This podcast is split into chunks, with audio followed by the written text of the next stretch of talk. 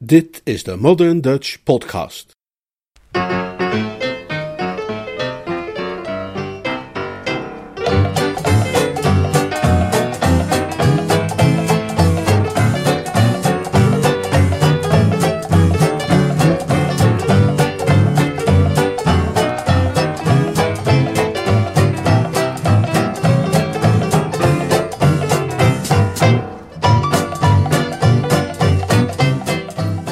Bingo en de Pekinezencrisis. Een verhaal van P.G. Woodhouse uit de bundel Eggs, Beans and Crumpets. Vandaag het tweede en laatste deel. Vertaald en voorgelezen door Leonard Beug.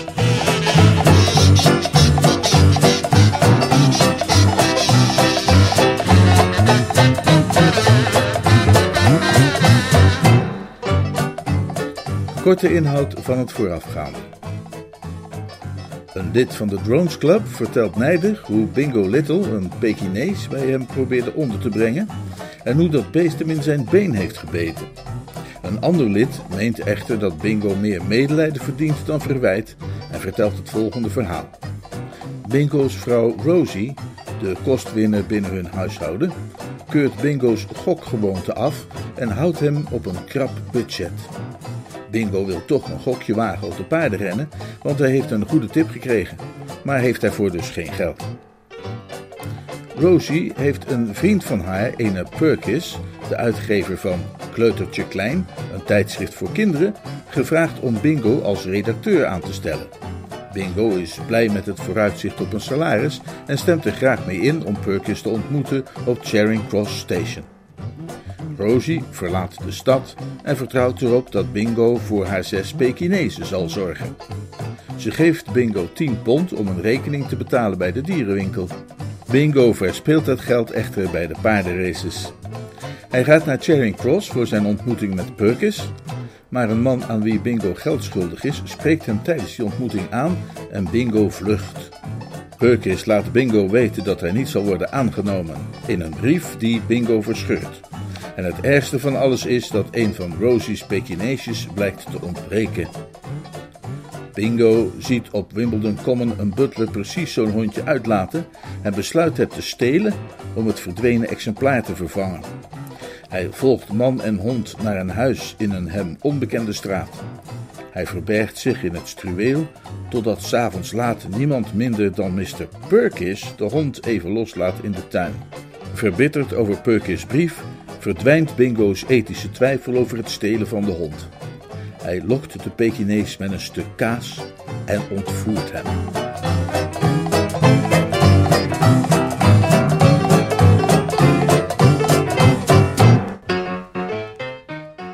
Al Mrs. Bingo's Pekinezen waren naar bed toen hij daar aankwam en toen hij hen met de kleine vreemdeling confronteerde, kon hij zich verheugen over de kameradschappelijke manier waarop ze hem in hun midden opnamen. Maar al te vaak, wanneer je een dubbelganger binnensmokkelt in een roedel Pekinezen, leidt dat tot woeste gevechten, zoals met nieuwjaar in Madrid.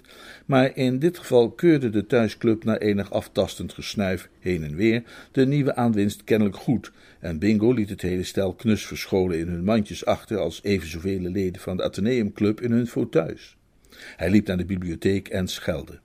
Hij wenste, indien Bagshaw was teruggekeerd, de kwestie bij hem aan de orde te stellen van een ferme whisky en soda. Bagshaw was inderdaad teruggekeerd.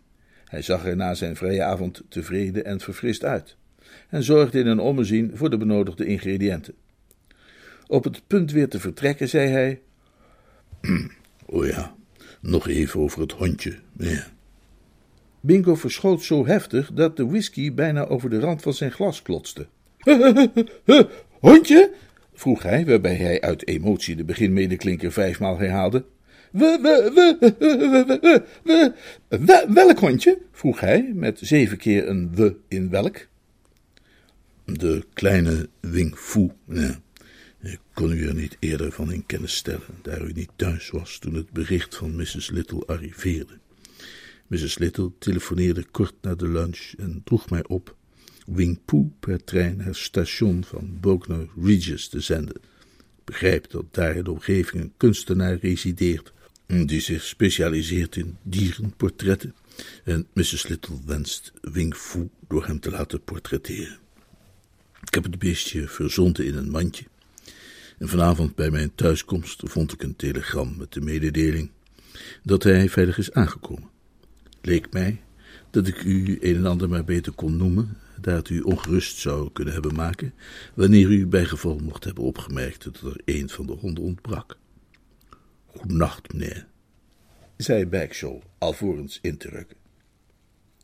Eh, Bingo bleef, zoals je kunt voorstellen, achter met de nodige irritatie. Zuiver doordat het Mrs. Bingo ontbrak aan ieder gevoel voor wat passend is en wat niet, had zij deze hele toestand geregeld via een ondergeschikte in plaats van hemzelf, Bingo, die in haar afwezigheid toch aan het hoofd stond van de huishouding der Littles, en was hij er de oorzaak van geworden dat hij zijn maatschappelijke rang en aanzien op het spel had gezet door een hondendief te worden. En dat allemaal voor niets. Als je terugdenkt aan de kwellingen die hij had doorgemaakt daartussen die struiken, niet alleen geestelijke vanwege die uh, scrupules, maar ook fysieke, dankzij die mieren, die torre en de ongedetermineerde fauna die zich in zijn haar bewoog, valt het hem niet kwalijk te nemen dat hij zich behoorlijk nijdig voelde over de hele kwestie. Hij voelde zich van wrok vervuld. Waarom was hij niet op de hoogte gesteld van wat er gebeurde? Deed hij er dan helemaal niet toe? En wat was er hoe dan ook de zin van Wing ijdelheid nog te prikkelen door zijn portret te laten schilderen? Dat beest was al verwaand genoeg. Het ergste van alles was dat hij wel inzag dat de hele situatie smeekte om een snelle, machtige en adequate reactie van hemzelf, maar dat hij een bied was als hij zo'n reactie kon bedenken. Het was in een behoorlijk sombere stemming dat hij nog eens diep snoof en naar zijn bed schokte. Niets is echter verhelderender dan ergens een nachtje over te slapen. De oplossing zweefde hem opeens voor ogen toen hij de volgende ochtend in bad zat. Het was eigenlijk allemaal heel eenvoudig, zag hij nu in. Alles wat hij hoefde te doen was Perkis Pekinees mee terug te nemen naar Perkis Honk, het beest door het tuinhek naar binnen te schuiven en klaar was Kees. De hele vervelende kwestie opgelost. Het was pas tijdens het afdrogen dat hij zich plotseling realiseerde dat hij de naam niet kende van Perkis huis en al evenmin van de straat waaraan het stond. En hij had zo eindeloos rondgedwaald onderweg dat hij de plek onmogelijk zou kunnen terugvinden. En wat erger was, want daardoor zou hij hem ook niet kunnen opzoeken in het telefoonboek, hij kon zich ook Perkins naam niet herinneren. Ja, nu weet hij die wel natuurlijk. Die staat hem in het hart gegrift. Als je hem nu, vandaag, op straat ergens tegenhoudt en je zegt: oh, Hallo, bingo, hoe heet die oude kerel die kleutertje klein uitgeeft? Dan raadt dat hij meteen af: uh, Henry Cuthbert Perkins. Maar op dat moment kon hij er eenvoudig niet opkomen. Je weet hoe dat is met namen. Nou ja, als ik je vertel dat hij er tijdens het ontbijt van overtuigd was dat Smans naam Winterbottom was, maar dat hij tegen lunchtijd eerder dacht aan Benjafield, ja, dan snap je zeker wel uh, hoe ver het kwaad zich had verspreid. En zoals je je zult herinneren, het enige zwart op wit bewijs was verloren gegaan. In de nijdige bui, die hij nu betreurde, had hij de brief die hij van hem had ontvangen in honderd stukjes gescheurd. Of minstens in acht dus. Bingo voelde zich op dat moment een gebroken man. Als hij de kwestie terugbracht tot de naakte kern, kwam het scenario volgens hem neer op het volgende.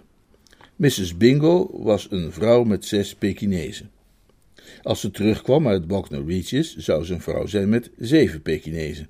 En zijn kennis van de menselijke natuur leerde hem dat het eerste wat een vrouw met zes Pekinezen doet, wanneer ze ontdekt dat ze plotseling een vrouw is geworden met zeven Pekinezen, het stellen is van vragen. En wat kon op die vragen zijn antwoord zijn? Hij was er zeker van dat het geen zin had te proberen haar wijs te maken dat dit zevende manschap er een was dat hij tijdens zijn afwezigheid voor haar had gekocht als een verrassing. Mrs. Bingo was niet gek. Ze wist dat hij niet een man was die zijn schrale middelen verkwiste aan verrassingspekinezen voor derden. Zij zou dat beschouwen als een mager verhaal. Zij zou overgaan tot het inwinnen van inlichtingen. En die zouden haar onvermijdelijk leiden naar die Winterbottom of Benjafield of hoe hij ook heten mocht. Het scheen Bingo toe dat er maar één enkel ding te doen stond. Hij moest een gastvrij nieuw huis zien te vinden voor die verstekeling, ergens ver buiten de Winterbottom Benjafield zone, en wel onmiddellijk. En nu begrijp je dus waarom die arme sukkel eergisteren opeens voor jouw deur stond met dat beest onder zijn arm. En je bent nu waarschijnlijk ook met me eens dat hij, zoals ik al zei, meer je medelijden verdient dan je verwijten. In dat verband heeft hij me bovendien verzekerd dat hij al je kosten zal vergoeden voor kleefpleisters, arnica, sterilisatie van de wond en wat al niet. Na jouw weigering om het kind te erkennen, schijnt hij overigens de moed te hebben opgegeven. Ik begrijp dat het een pijnlijke scène geweest moet zijn en hij voelde niets voor een herhaling.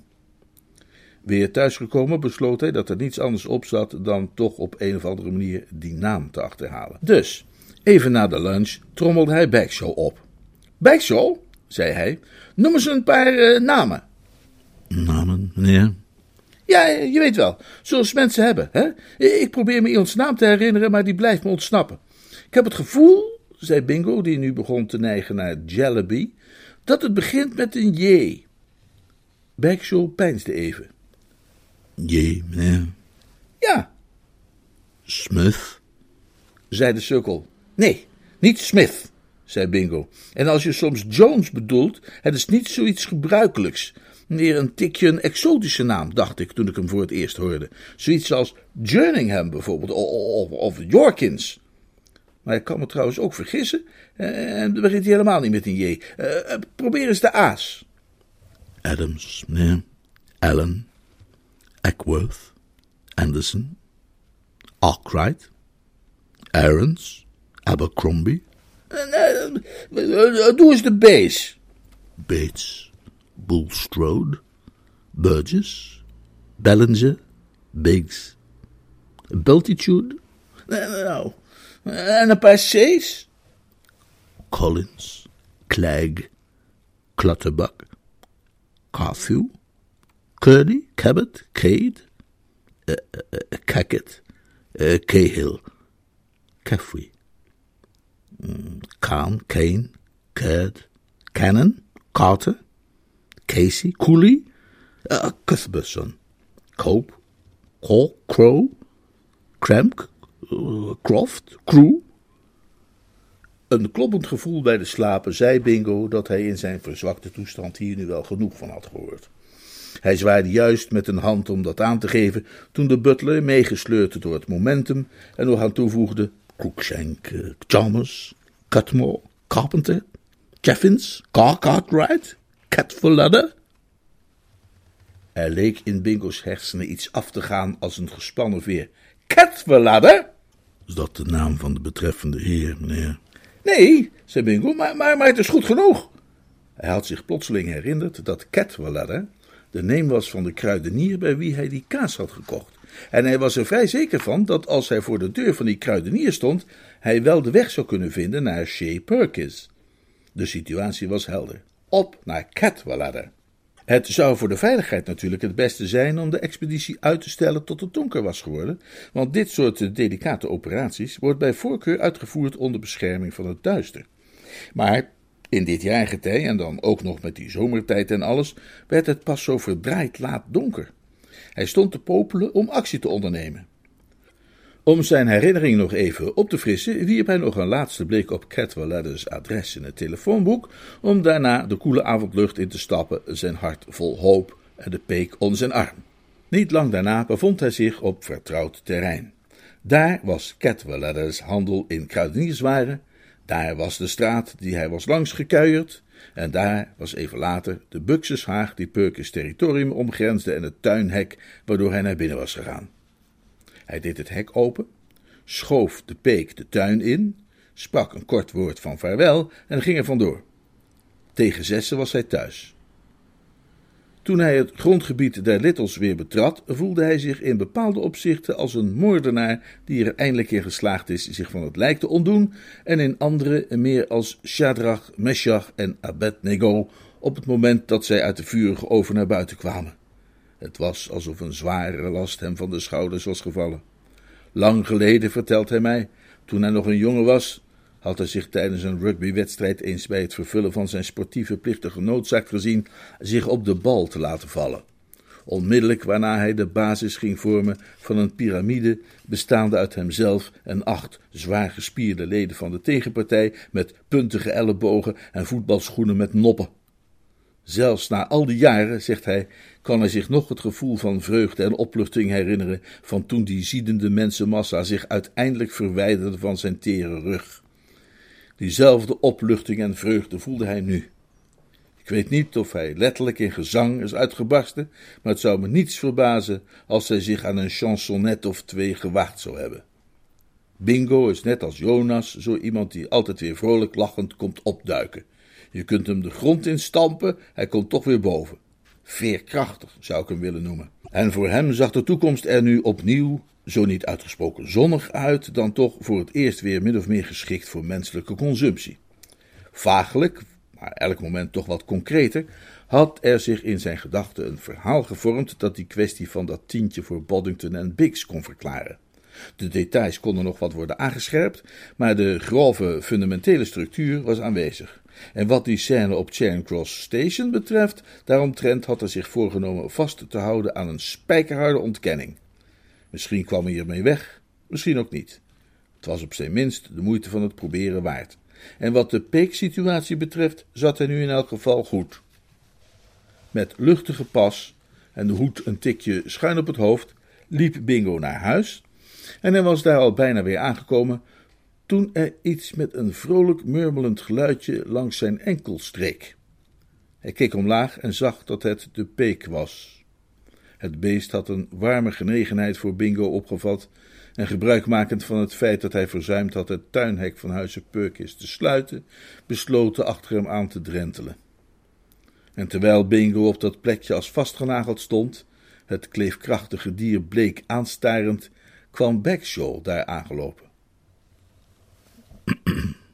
Zou ik mogen informeren, meneer? zei Bagshaw. Of u bij geval ook het telefoonnummer kent van het huis waar Mrs. Little tijdelijk verblijft. Hoezo? vroeg Bingo, zijn blik nog altijd gefocust op de Pekinees.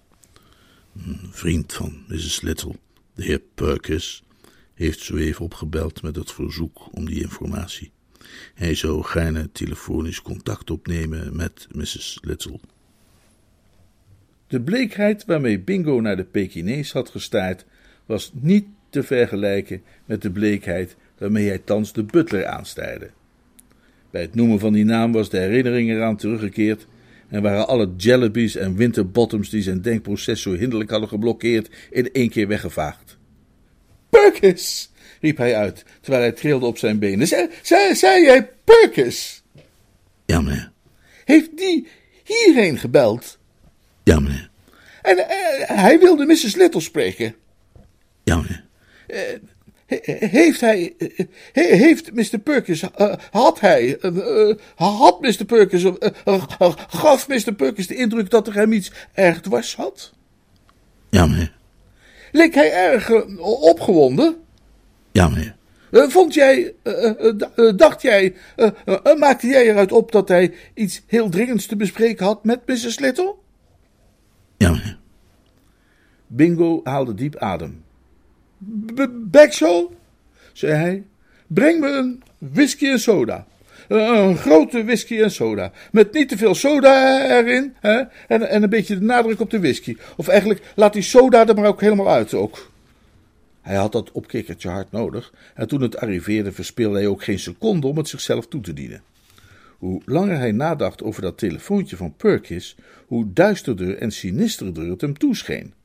Perkins wilde Mrs. Bingo opbellen. Hij had er opgewonden bij geleken. Die feiten konden maar leiden tot één conclusie. Bingo herinnerde zich de hoed die hij was kwijtgeraakt tussen die struiken. Perkins moest die natuurlijk gevonden hebben, via de initialen in de band de waarheid hebben achterhaald en probeerde nu Mrs. Bingo te pakken te krijgen om haar het hele verhaal in het maar al te ontvankelijke oor te toeteren. Er was maar één ding aan te doen. Bingo schrok er ernstig voor terug, maar hij begreep dat er geen alternatief was. Hij moest Perkins opzoeken, alles uitleggen en zich aan diens genade overgeven. Hij moest hem smeken om als heer en onnet om die hele geschiedenis voor altijd voor zich te houden. En wat hem daarbij een grote zorg was, was zijn ernstige twijfel aan het feit of Perkins wel een heer en een onnet om was. Bij hun enige ontmoeting had het gezicht van de man hem niet erg aangestaan. Als hij aan die ontmoeting terugdacht, zag hij dit Perkins voor zich als een hardvochtig soort pief met diezelfde kille afstandelijke blik in zijn ogen, die hij, Bingo, zo vaak gezien had in die van zijn boekmaker, wanneer hij probeerde enigerlei betaling uit te stellen tot woensdag over een week. Dit moest echter gebeuren, en daar maakte hij zich toe op. Hij begaf zich naar Perkins huis en de butler ging hem voor naar de salon. Mr. Little, kondigde hij hem aan alvorens te gaan, en Bingo zette zich schrap voor de beproeving die hem te wachten stond. Met een enkele blik kon hij zien dat Perkins geen gemakkelijk publiek ging worden. In zijn houding was er niets van de hartelijke gastheer die zijn welkome gast tegemoet treedt. Hij had met zijn rug naar hem toe voor de open terrasdeuren naar buiten staan kijken, maar nu draaide hij zich griezelig snel om en staarde Bingo aan met een angstaanjagende blik in de ogen. Bingo diagnosticeerde die blik als een blik van afschuw. De vanzelfsprekende afschuw van een brave belastingbetaler die voor zich de vent ziet staan die kort daarvoor zijn Pekinees met kaas heeft weggelokt. Hij besefte dat het pure noodzaak was om als hij ook maar iets in de richting van een goede afloop wilde bereiken, hij fascinerend en charmant zou moeten zijn als nooit tevoren. Ja? vroeg Perkins. Bingo had besloten alles meteen en zonder verdere inleiding manhaftig op te biechten. Ik kom vanwege de Pekinees, zei hij. En op datzelfde moment, voor hij verder nog maar iets kon zeggen, vloog er iets van buitenaf zijn keelgat in. Een vliegje, een muggetje, misschien zelfs een motje, waardoor hij verschrikkelijk moest hoesten en ieder woord hem van de lippen werd gevaagd. En terwijl hij hoestte, zag hij dat Perkins een soort wanhopig gebaar maakte. Ik verwachtte dit al, zei hij. Bingo bleef nog hoesten. Ja, zei Perkins, ik, ik was er al bang voor. En u heeft volkomen gelijk. Ik heb die hond gestolen. Bingo had tegen die tijd min of meer met het ongedetermineerde insect afgerekend, maar kon nog altijd niet spreken. Hij was stom van verbazing. Perkins zag eruit als zo iemand in een film die betrapt wordt met de buit. Zijn blik had geen enkele glans meer. Er lag een doffe, martelende wanhoop in zijn ogen. U bent een getrouwd man, Mr. Little, zei hij, dus misschien zult u mij begrijpen. Mijn vrouw verblijft al enige tijd in Tunbridge Wells om voor een zieke tante te zorgen. Kort voor ze daarheen ging, had ze een Pekinese hond gekocht. Bij haar vertrek vertrouwde ze die aan mijn zorgen toe, en ze drong er bij mij op aan dat ik het beestje onder geen voorwaarde het huis uit zou laten anders dan aan de lijn. Maar gisteravond, toen hij alleen maar heel even de tuin in hoefde, heb ik die voorzorgsmaatregel verzuimd. Ik heb hem losgelaten niet meer teruggezien. Hij slikte moeizaam. Bingo haalde zwaar adem. Perkins ging verder. Hij was weg. En ik begreep dat het enige wat ik kon doen was onmiddellijk een vervanger zien te bemachtigen, die er precies zo uitzag. Ik ben de hele dag bezig geweest met alle dierenwinkels in Londen af te lopen, maar zonder succes. Toen bedacht ik mij echter opeens dat Mrs. Little een aantal van die dieren bezat en allemaal, naar ik me herinnerde, sterk gelijkend op het exemplaar dat ik was kwijtgeraakt. Ik hoopte dat ze mogelijkerwijs bereid zou zijn er één aan mij te verkopen. Hij zuchtte even. Vanavond, hervatte hij zijn verhaal, heb ik bij u thuis aangebeld, enkel om te ontdekken dat uw vrouw afwezig was, maar dat ik haar wellicht per telefoon kon bereiken. Zou geen zin hebben om haar te schrijven, want mijn vrouw komt morgen al naar huis. Ik ging dus weer weg. Maar toen ik bij het tuinhek kwam, sprong er iets tegen mijn been op. Het was een Pekineesje, Mr. Little, en het volstrekte evenbeeld van het exemplaar dat ik kwijt was. De verleiding was te groot. Eh, eh, en u heeft hem gepikt, riep Bingo geschokt uit. Perkins knikte. Bingo klikte met zijn tong. Dat gaat wel ver, Perkins, zei hij ernstig. Ik weet het, ik weet het. Ik ben mij volkomen bewust van de gruwelijkheid van wat ik heb gedaan. Mijn enige verontschuldiging kan zijn dat ik mij er niet van bewust was dat ik werd gadegeslagen. Hij zuchtte nogmaals. Het dier bevindt zich in de keuken en geniet van een licht avondmaal. Ik zal om de butler schellen die u het dier zal brengen. Maar ik huiver voor wat mijn vrouw ervan zal zeggen, zei hij, en deed dat ook. U denkt dat zij ernstig ontstemd zal zijn wanneer ze terugkomt en geen peek aantreft die haar als een moeder verwelkomt? Inderdaad. In dat geval, Perkins, zei Bingo en sloeg hem joviaal op de schouder, eh, eh, mag je dit exemplaar wel houden? Bingo denkt graag terug aan hoe hij was op dat moment. Hij toonde zich menslievend, hoffelijk, vol hartelijkheid en aangename charme. Hij stelt zich er zo'n beetje bij voor dat Perkins gedacht moet hebben dat hij in hem een engel had ontmoet in menselijke gedaante of iets in die geest. Ik uh, mag deze houden?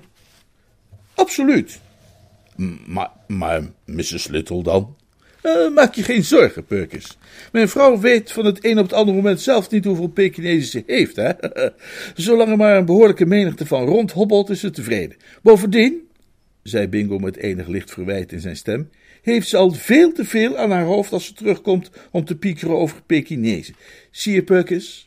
Ze had er echt heel haar hart op gezet dat ik de redacteur zou worden van Kluttertje Klein. Ze zal erg teleurgesteld zijn als ze verneemt van jouw houding in die kwestie. Ontstemd, zou ik eigenlijk wel willen zeggen. Je, je, je weet hoe vrouwen zijn. Perkins kuchte. Hij keek naar Bingo en huiverde even. Hij bekeek Bingo nog eens goed en huiverde nog wat meer. Bingo kreeg de indruk dat er zich een soort innerlijke strijd in hem afspeelde. En uh, u wilt zelf ook graag redacteur worden van Kleutertje Klein, Miss Little? Heel graag, ja. Weet u dat zeker? Heel zeker. Hm. Ik zou gedacht hebben dat een jongeman in uw positie daar veel te druk voor zou zijn, veel te bezig. Oh, nee, nee, nee, ik zou het wel hebben kunnen inpassen. Er schitterde een glimpje hoop in Perkins' stijl van spreken. Maar het is zwaar lastig werk. Ik zal ongetwijfeld kunnen beschikken over capabele medewerkers. En het salaris, zei Perkins somber, is niet geweldig. Daar weet ik iets op, zei Bingo bevlogen. Maak het geweldiger. Perkins bekeek hem nog een keer en huiverde ten derde male. Toen echter overwon zijn beter ik. Het zou mij groot genoegen doen, sprak hij vervolgens zachtjes, wanneer u het redacteurschap zou willen aanvaarden van Kleutertje Klein. Bingo sloeg hem nogmaals op de schouder. Geweldig, Perkins, zei hij. Magnifiek. En uh, wat zou je zeggen van een klein voorschot op mijn salaris?